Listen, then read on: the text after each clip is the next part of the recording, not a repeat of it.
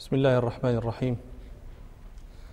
الحمد لله رب العالمين والصلاة والسلام على أشرف الأنبياء والمرسلين سيدنا محمد وعلى آله وأصحابه أجمعين. قال الإمام مالك رحمه الله تعالى باب ما جاء في دلوك الشمس وغسق الليل. قال عبيد الله بن يحيى رحمه الله حدثني يحيى عن مالك عن نافع أن عبد الله بن عمر رضي الله عنهما كان يقول دلوك الشمس ميلها.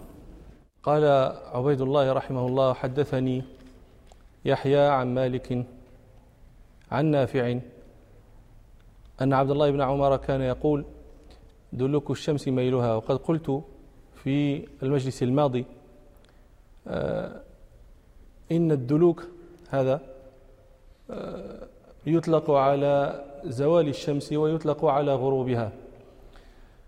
والعربية مسعفة في المعنيين. وقد قال بكلا القولين بكل واحد من القولين طائفة من من الصحابة. فمثلا قال آه، عبد الله بن عباس وأبو هريرة وابن عمر دلوك الشمس ميلها. وقال ابن مسعود وعلي دلوك الشمس غروبها. والقولان مذكوران والتفسيران مذكوران في قول الله تعالى أقم الصلاة لدلوك الشمس فقيل لدلوك الشمس لغروبها وقيل لدلوك الشمس لزوالها. وقول ربنا سبحانه أقم الصلاة لدلوك الشمس. هذه اللام هنا محتملة أن تكون بمعنى بعد وأن تكون بمعنى عند. أقم الصلاة لدلوك الشمس أي عند دلوكها أو بعد دلوكها. واللام في لغة العرب تجيء لمعاين كثيرة. جمعها الديماني رحمه الله بقوله اللام ذات النصب للتعليل إن لم يكن نفي كان قبلها يعن وجزمها يكون للأمر وفي جر لملك مع تملك تفي. وشبه ذين حيث لا ملك يصح كذا بها مآل الأمر قد يضح وعللت وأكدت وكائلا تأتي وفي من عند بعد عن على هذه هي معاني اللام في لغة العرب. اللام ذات النصب يعني أن اللام ثلاثة أنواع لام تنصب ولام تجزم ولام تجر. والجارة هذه من خصائص الأسماء لأن الخفض يختص بالأسماء فإنه لا خفض في الأفعال. قال رحمه الله اللام ذات النصب للتعليل. إن لم يكن في كان قبلها يعين تأتي اللام للتعليل. اللام الناصبة تأتي للتعليل. كما في قول الله تعالى وأنزلنا إليك الذكر لتبين للناس ما نزل إليهم. لتبين للناس هذه للتعليل لأجل أن أو لعلة أن تبين للناس ما نزل إليهم. إن لم يكن النفي كان قبلها يعني إذا لم يجي قبلها كون منفي كان منفيا. اللام ذات النصب للتعليل إن لم يكن نفي كان قبلها يعني يجي يبين. فإذا كان يعني إذا جاء بعد قبلها كون منفي كانت للجحود تسمى لام الجحود وذلك كما في قول ربنا سبحانه آه وما كان الله ليعذبهم وأنت فيهم وما كان الله ليعذبهم. هذه لام سبقها كون منفي فتسمى لام الجحود. قال اللام ذات النصب للتعليل إن لم يكن نفي كان قبلها يعين وجزمها يكون للأمر تكون اللام جازمة تدخل على المضارع فتجزمه وتفيد معنى الأمر.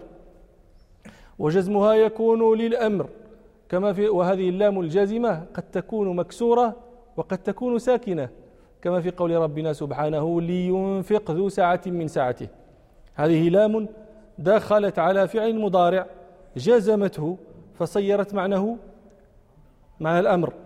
وهذه لام مكسورة وقد تكون ساكنة كما في قول الله تعالى ثم ليقضوا تفثهم وليوفوا نذرهم. ليقضوا.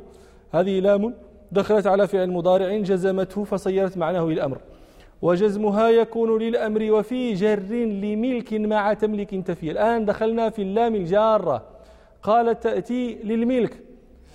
كما في قول ربنا سبحانه لله ملك السماوات والأرض. لله ما في السماوات والأرض. هذه لام تفيد معنى الملك. وتأتي اللام أيضا تفيد معنى التمليك. كما في قول القائل مثلا وهبت لابني آه، كذا. هذه اللام وهبت لابني هذه تسمى لام التمليك. قال وشبه ذيني شبه الملك والتمليك. تأتي اللام لشبه الملك والتمليك. قال وشبه ذيني. أي وشبه الملك والتمليك حيث لا ملك يصح. إذا لم يصح الملك ولا التمليك فيأتي شبههما. ما شبه الملك والتمليك؟ شيئان. الاختصاص والاستحقاق. فهذا معنى قوله وشبه ذين وشبه ذين حيث لا ملك يصح. تكون اللام بمعنى آه، الاستحقاق إذا وقعت بين ذات ومعنى. كما في قولنا كما في قول ربنا سبحانه الحمد لله رب العالمين. الحمد لله. هذه اللام وقعت بين ذات ومعنى المعنى الحمد. والله تعالى ذات سبحانه. هذه اللام الواقعة بين ذات ومعنى يقال فيها لام الاستحقاق أي الحمد مستحق للرب سبحانه. وتأتي للاختصاص. هذه الآتية الاختصاص تكون بين ذاتين.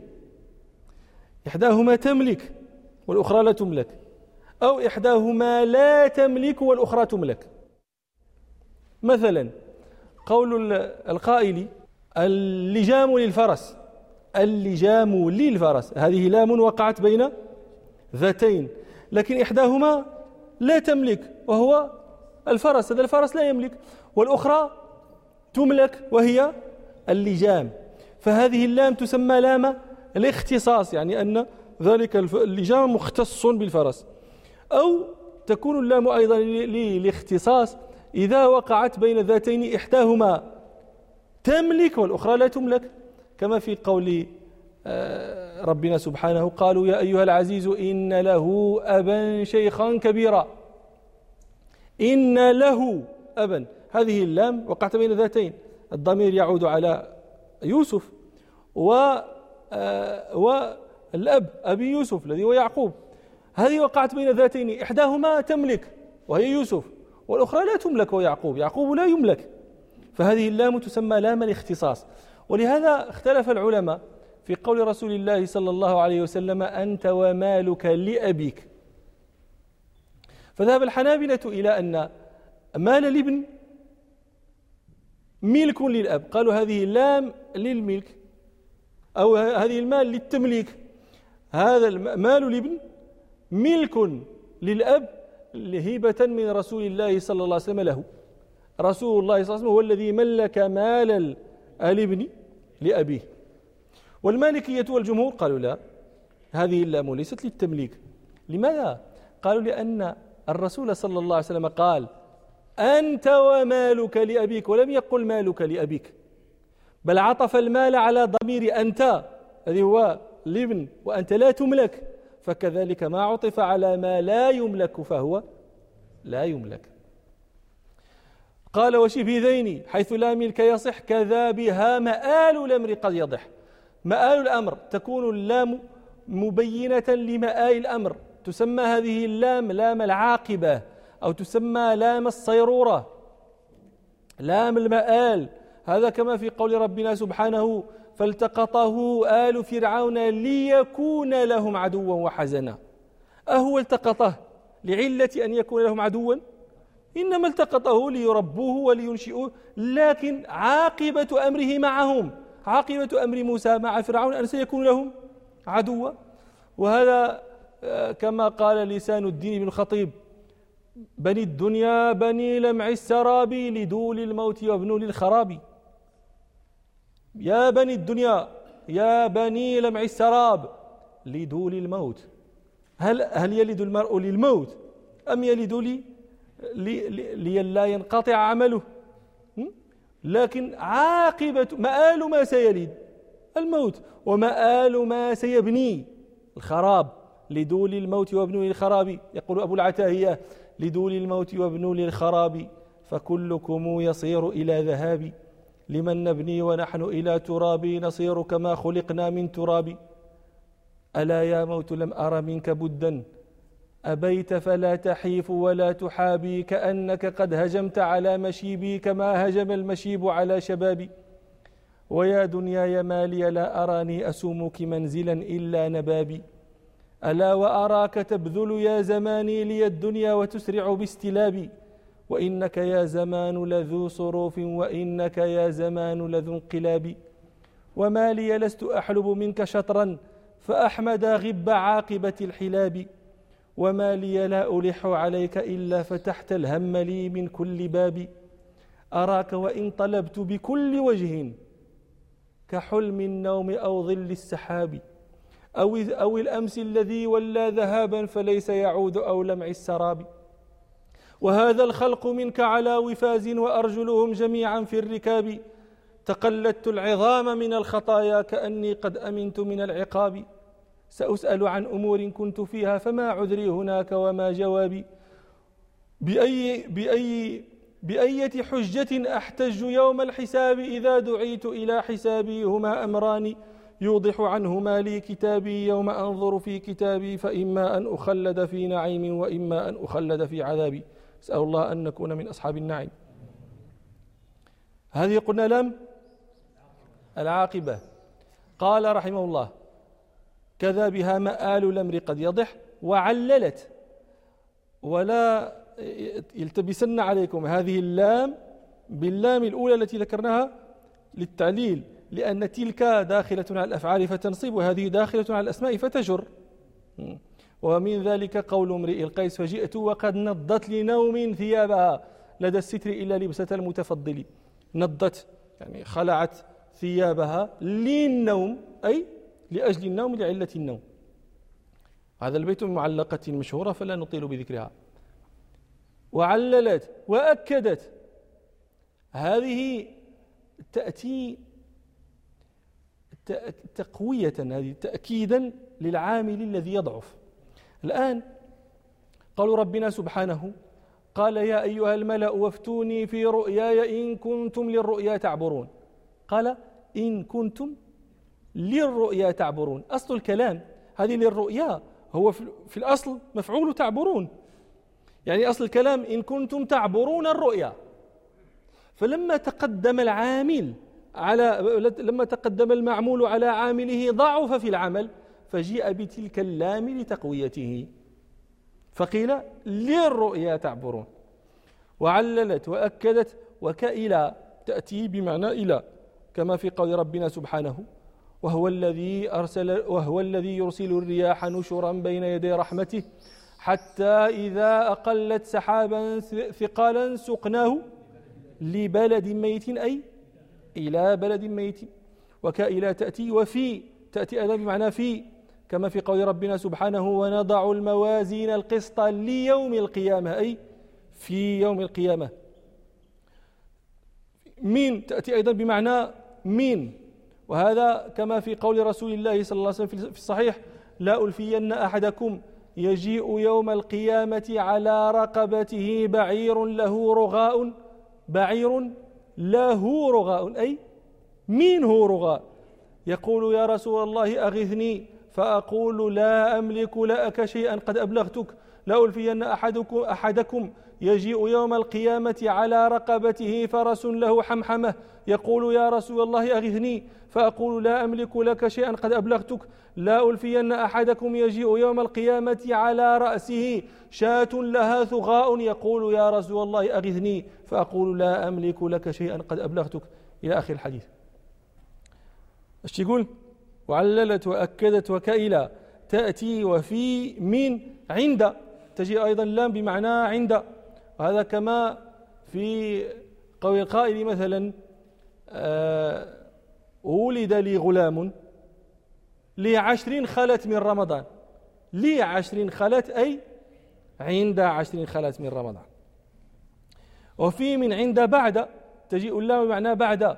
وذلك كما في قول ربنا سبحانه أقم الصلاة لدلوك الشمس. أي بعدها ومنه قول رسول الله صلى الله عليه وسلم صوموا لرؤيته. وأفطروا لرؤيته أي صوموا بعد رؤيته وأفطروا بعد رؤيته. من ذلك أيضا قول متمم بن نويرة يرثي أخاه فلما تفرقنا كأني ومالكا لطول اجتماع لم نبت ليلة معا. لطول اجتماع أي بعد طول اجتماع. لم نبت ليلة معا هذه هذا البيت من قصيدة يرثي فيها متمم بن نويرة أخاه مالك بن نويرة بعد قتله. مالك بن نويرة هذا كان من فرسان بني يربوع ومن شجعانهم ومن أبطالهم وكان من أشرافهم مشهورا في الجاهلية. وأسلم كان يقال له فارس ذي الخمار. مشهور هو بهذا الاسم لأن ذا الخمار هذا فرسه. فأسلم. وولاه رسول الله صلى الله عليه وسلم الصدقات على قومه صدقات بني يربوع فلما قبض رسول الله صلى الله عليه وسلم امتنع مالك بن نويرة من أن يؤدي الزكاة. فبعث إليه رسول الله صلى الله عليه وسلم خالد بن ألو... بعث إليه أبو بكر رضي الله عنه خالد بن الوليد. فأدركه في موضع يقال له البطاح. فبدأ يكلمه. فكلما ذكر رسول الله صلى الله عليه وسلم قال قال مالك بن نويرة ما إخال صاحبكم إلا قال كذا وكذا. فلما أكثر عليه لا يقول رسول الله صلى الله عليه وسلم يقول صاحبكم. فقال خالد بن الوليد أليس هو لك بصاحب؟ ثم أمر درار بن الأزور فقتل ضرب عنقه استدل بذلك على ردته. فقام متمم بن نويرة فملأ الدنيا عويلا على أخيه مالك. وجاء المدينة واستعدى خالد بن الوليد استعدى أبا بكر وطلب منه أن يعني يدي أخاه وأن يرد عليه سبيهم ففعل ذلك أبو بكر رضي الله عنه. وكان عمر يراود أبا بكر على عزل خالد ويقول إن في سيفه رهقا قتل رجلا مسلما. وهو بعد قتله تزوج امرأته. فهذه أظن أيضا موضع مثل هذا المواضع تكون فيها دقيقة وتحتاج إلى إمعان للنظر حتى لا ينسب إلى جناب الصحابة ما لا يليق بهم. هذه تجد يعني تكون مراتع للمستشرقين ولأذنابهم يتناولون فيها مقام الصحابة بما لا يليق. فقالوا قتل مالك بن ويراه ليتزوج امرأته لأن نحن نتكلم عن عن ناس تركوا المال وتركوا الأزواج وتركوا الديار لأجل الإسلام. من بعد يقتل رجلا يتزوج امرأته. ولكن ماذا أقول؟ كل إناء بما فيه يرشح فقال أبو بكر رضي الله عنه لعمر تأول فأخطأ ولا أشيم سيفا سله رسول الله صلى الله عليه وسلم على المشركين. ويعني قصائد متم بن نويرة قصائد عظيمة مؤثرة فيها يعني لأنه يرثي أخاه عن حزن عن كبد مردودة ردها الحزن. يقول مثلا في القصيدة التي منها هذا الشاهد يقول آه، لعمري وما دهري بتأبين هالك ولا جزع مما أصاب فأوجع. لقد كفل لقد كفنا المنهال تحت ردائه فتى غير مبطان العشيات أروعا ولا برما تهدي النساء لعرسه إذا القشع من من برد الشتاء تقعقعا لبيب أعان اللب منه سماحة خصيب إذا ما راكب الجدب أوضعا تراه كصدر السيف يهتز للندى. إذا لم تجد عند امرئ السوء مطمعا. إلى أن يقول وإني متى ما أدعو باسمك لم تجيب. وكنت جديرا أن تجيب وتسمعا وكان جناحي إن نهضت أقلني. ويحوي الجناح الريش أن يتنزعا وعشنا بخير في الحياة وقبلنا أصاب المنايا رهت كسرى وتبعا وكنا كندماني جذيمة حقبة من الدهر حتى قيل لن يتصدعا فلما تفرقنا كأني ومالكا لطول اجتماع لم نبت ليلة معا. فإن تكن الأيام فرقن بيننا فقد بان محمودا أخي حين ودعا ويقول في في مقطوعة أخرى لقد لامني عند لقد, لقد لامني عند القبور على البكاء رفيقي لتذرى في الدموع السوافك. كل ما شاف قبر تيبكي. تيكون يكون ماشيا. إذا صادف قبرا بكى فلامه صاحبه تبكي كلما رأيت قبرا. فقال هو لقد لامني عند القبور على البكاء رفيقي لتذرى في الدموع السوافك. فقال أتبكي كل قبر رأيت لقبر ثوى بين اللوى فالدكادك فقلت له دعني فقلت له إن الأسى يبعث الأسى فدعني فهذا كله قبر مالك. وفي من عند بعد عن تجيء اللام أيضا بمعنى عن وهذا كما في قول ربنا سبحانه وقال الذين كفروا للذين آمنوا لو كان خيرا ما سبقونا إليه. لو وقال الذين كفروا عن الذين آمنوا لو كان خيرا ما سبقونا إليه لأنه لو خاطبوهم لقالوا ما سبقتمونا إليه.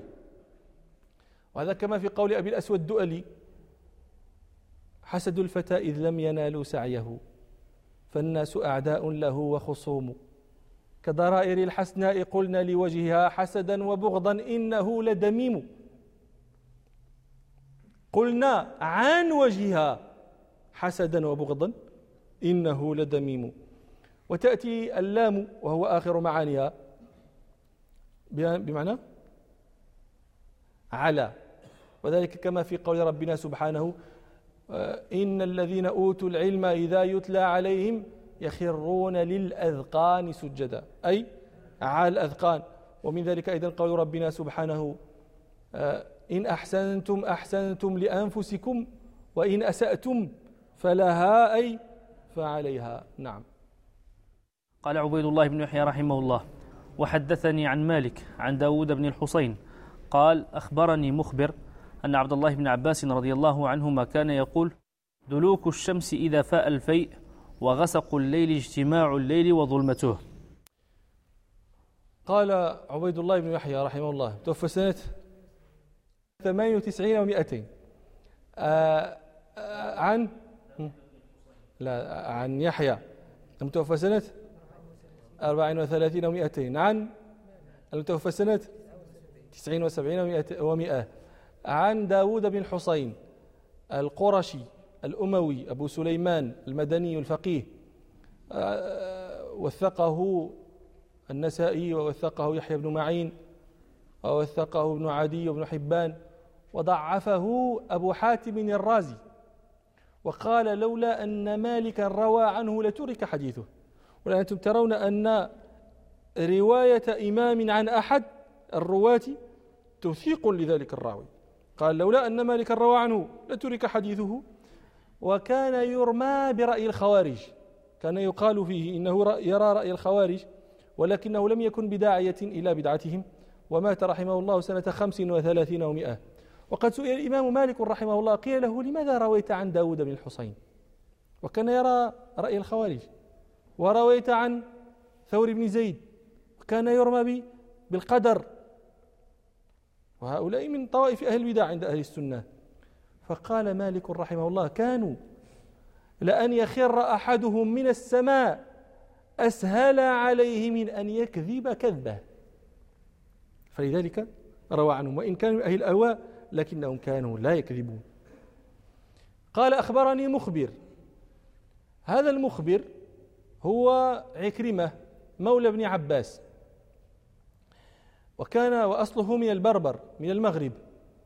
ولازم ابن عباس مدة طويلة وأخذ منه علما جما. قال هو عن نفسه طلبت العلم أربعين سنة. حتى وكنت أفتي في الباب وابن عباس في الدار. يعني بلغ مرتبة أن يفتي وابن عباس حي. بل إن ابن عباس رضي الله عنهما قال له اذهب فأفتي الناس. فمن جاءك يسألك عما يعنيه فأفته ومن جاءك يسألك عما لا يعنيه فلا تفته فإنما تطرح عنك ثلثي مؤنة الناس.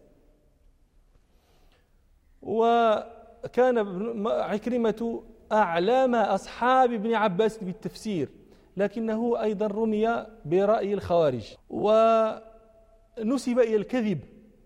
فقد ذكر أصحاب الطبقات أن سعيد بن المسيب قال لغلامه برد يا برد لا تكذب علي كما كذب عكرمة على ابن عباس.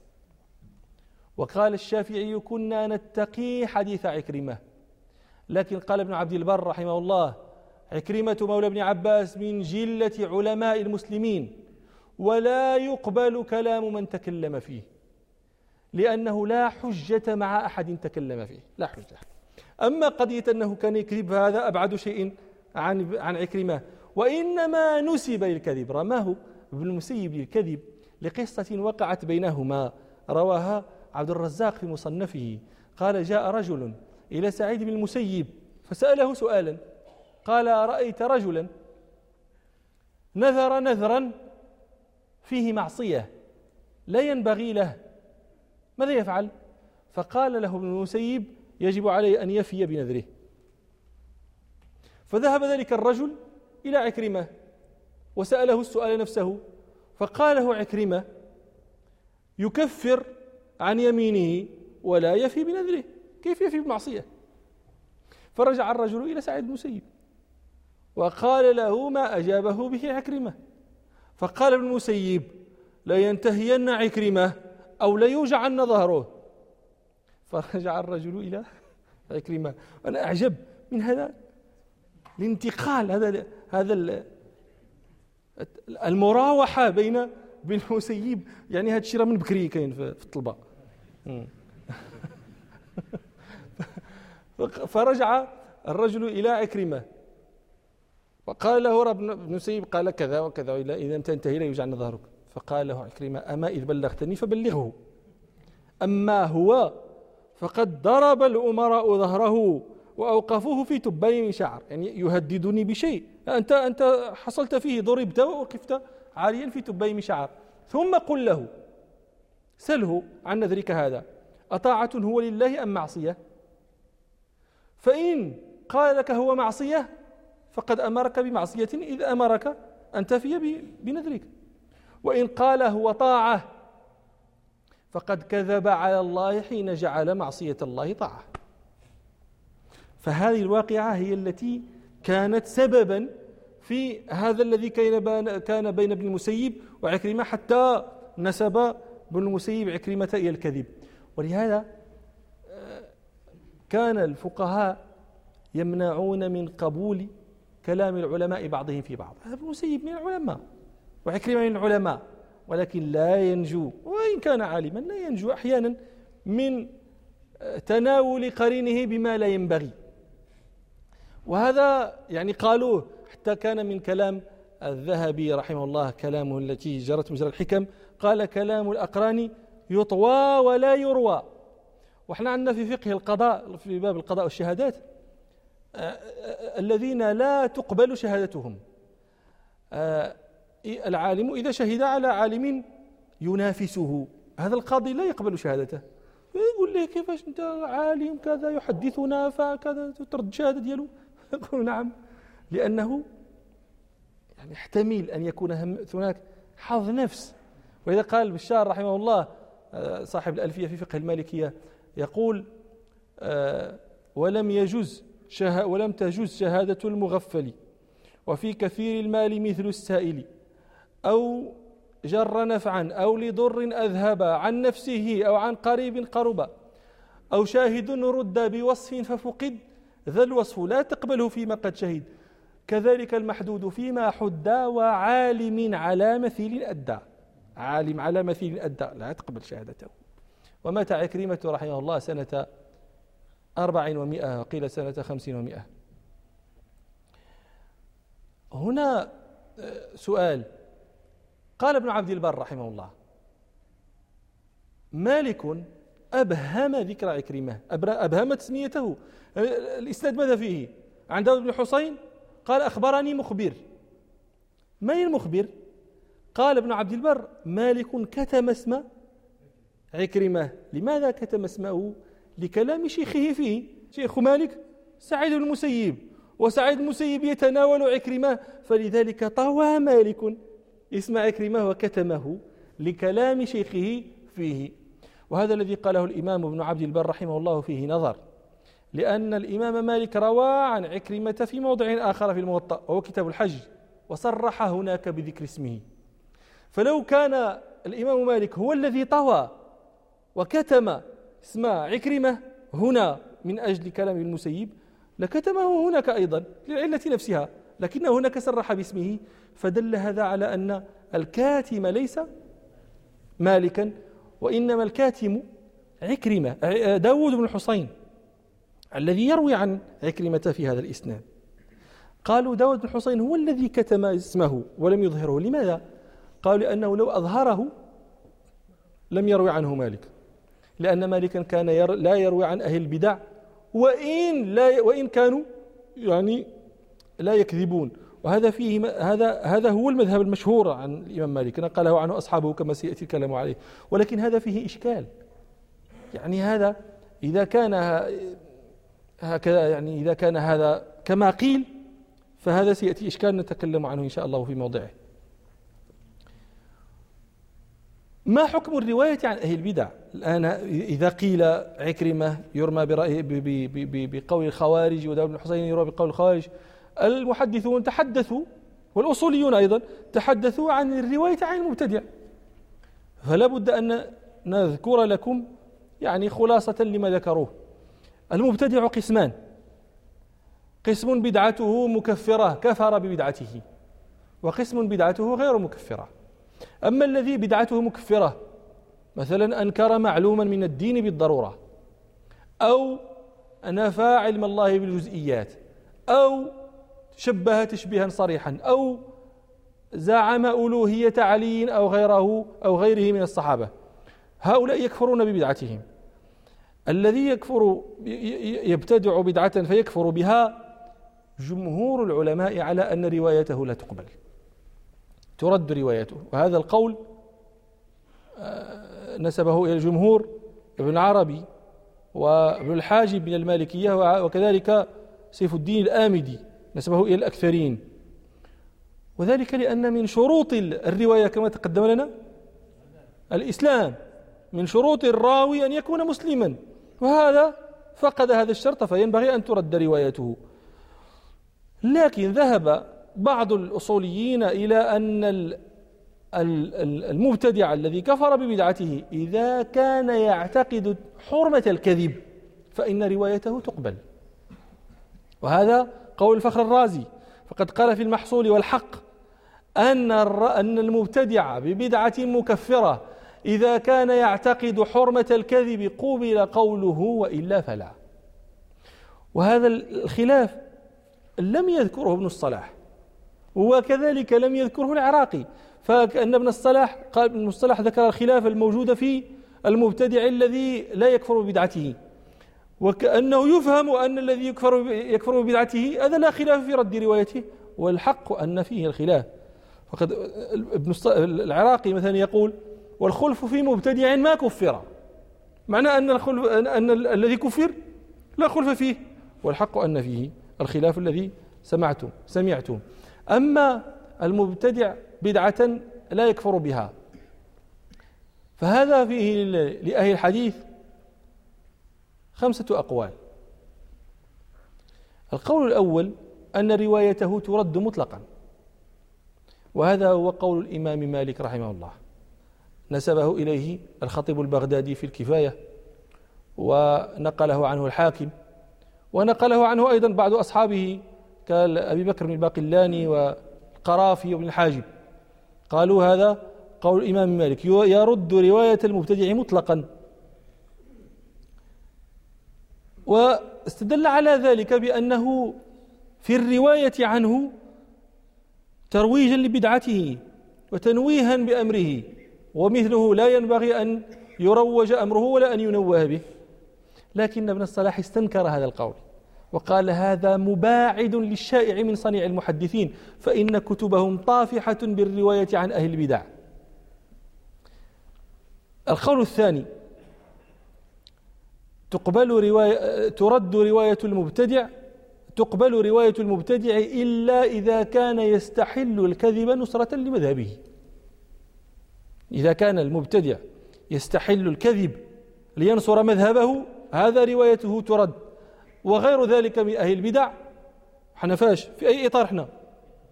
في إطار من لا يكفر ببدعته. فإذا كان يستحيل الكذب نصرة لمذهبه هذا ترد روايته وإلا فتقبل. وهذا القول منسوب إلى الشافعي رحمه الله. وهو قول ابن أبي ليلى وأبي يوسف القاضي وسفيان الثوري.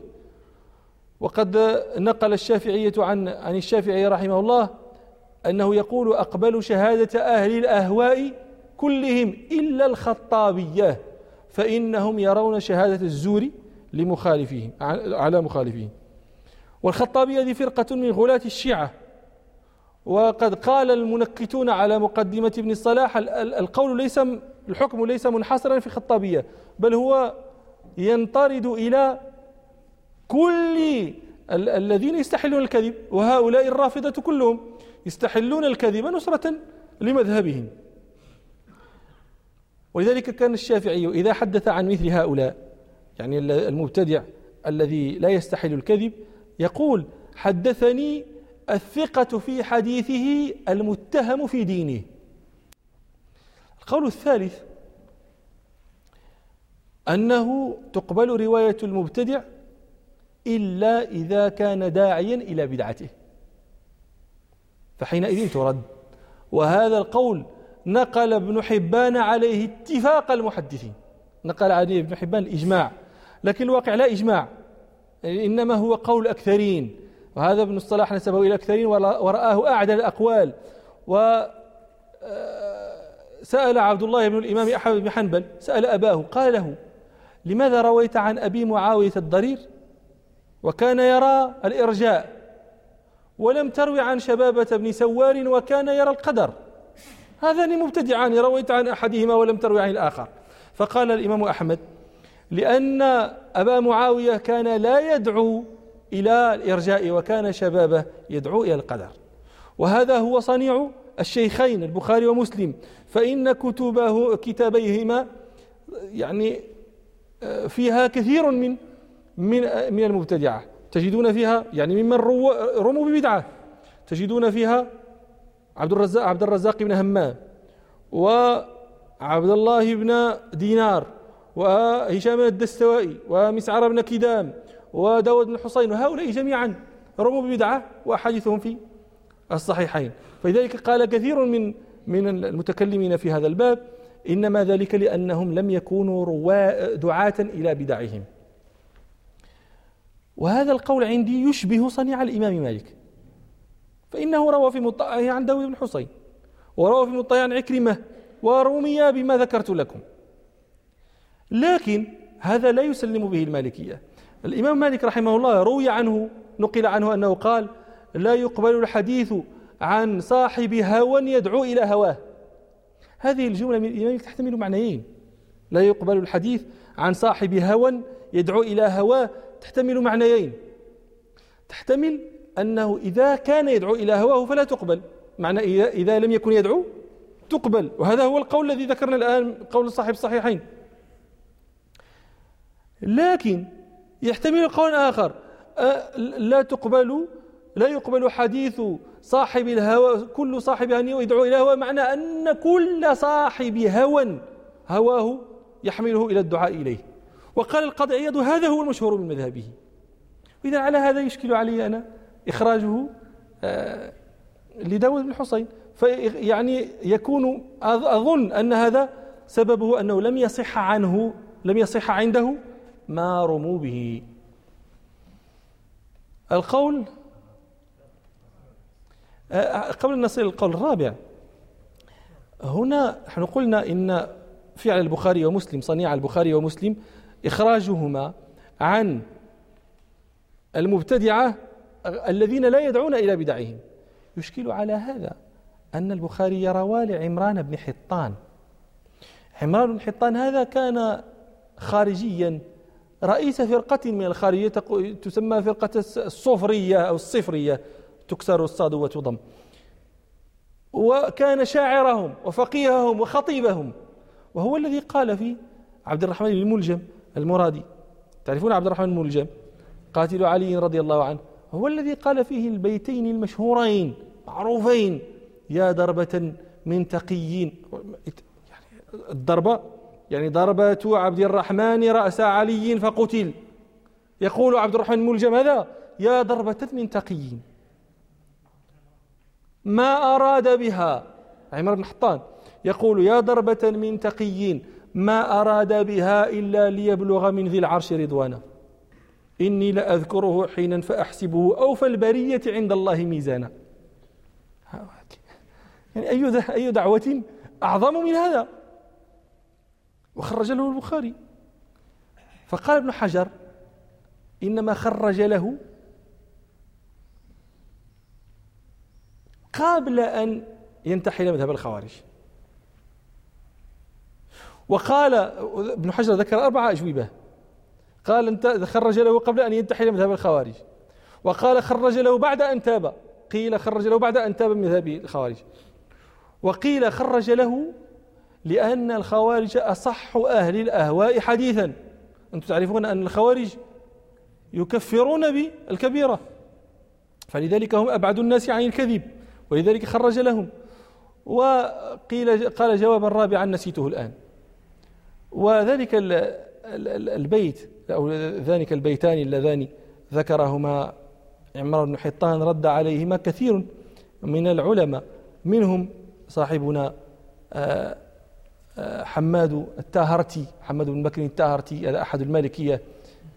تاهر نسبة إلى تاهرت وهي المسماة اليوم. تيارات يقولون في في الجزائر هذه؟ تيارات هي في الأصل. هذا هذا من تحريف الاستعمار لأسماء البلدان المستعمرة. كما يقال في دلهي دلهي بتقديم اللام الواقع أنها دهلي بتأخير اللام. على كل حال رد عليه التاهرتي هذا رحمه الله بقوله قل لابن ملجم والأقدار غالبة هدمت ويلك للإسلام أركانا. قتلت أفضل من يمشي على قدم وأول الخلق إيمانا إسلاما وإيمانا.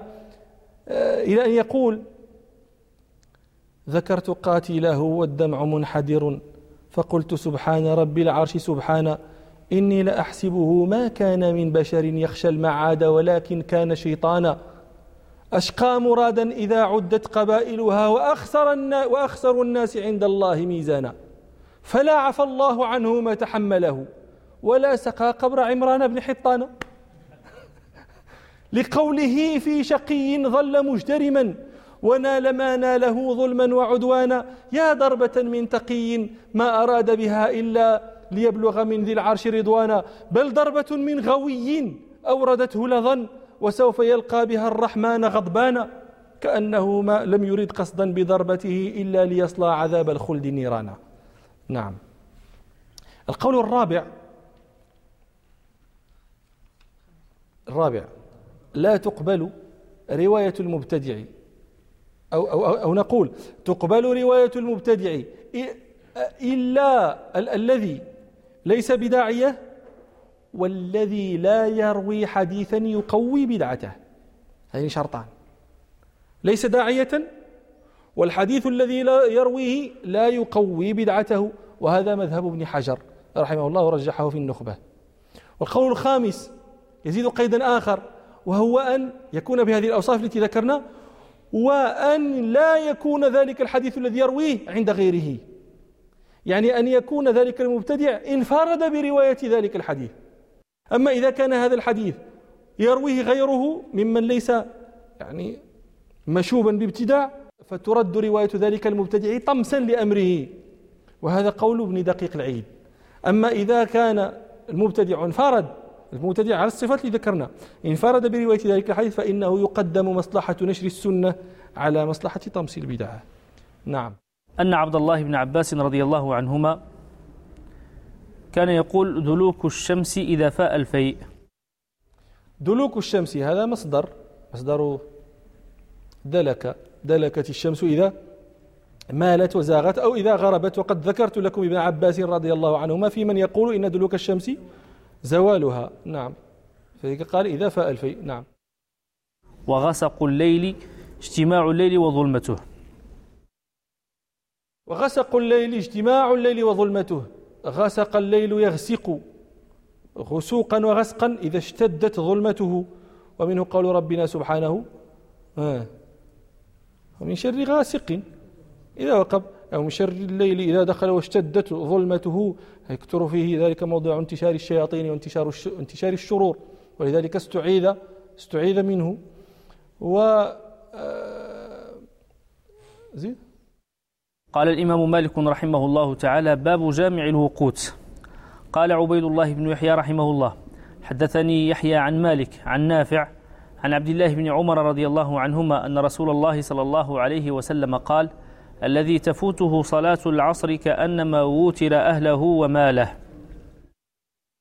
قال رسول الله صلى الله عليه وسلم ولا نتذاكر بعد الرواة. آه. حدثني قال عن مالك عن نافع توفى سنة سبع عشرة ومئة. يجيبني واحد واحد اللي حفظ السنوات هذا شيء يجب ثم هي تتكرر كم مرة تكرر لنا نافع ويعني هذه أمور ينبغي أن تحفظ. نافع متوفى سنة سبع عشرة ومئة عن ابن عمر متوفى سنة ثلاث وسبعين. نعم. الذي تفوته صلاة العصر كأنما ووتر أهله وماله الذي تفوته صلاة العصر سهوا آه, آه، عفوا الذي تفوته صلاة العصر عمدا هو الذي يكون كمن وتر أهله وماله أما الذي تفوته سهوا فهذا لا يعتبر مفوتا أصلا. لم يدخل في حكم التفويت لأن ال ال ال الذي يسهى عن الصلاة وينساها فإن وقتها بالنسبة له متى ما ذكرها كما صح بذلك عن رسول الله صلى الله عليه وسلم.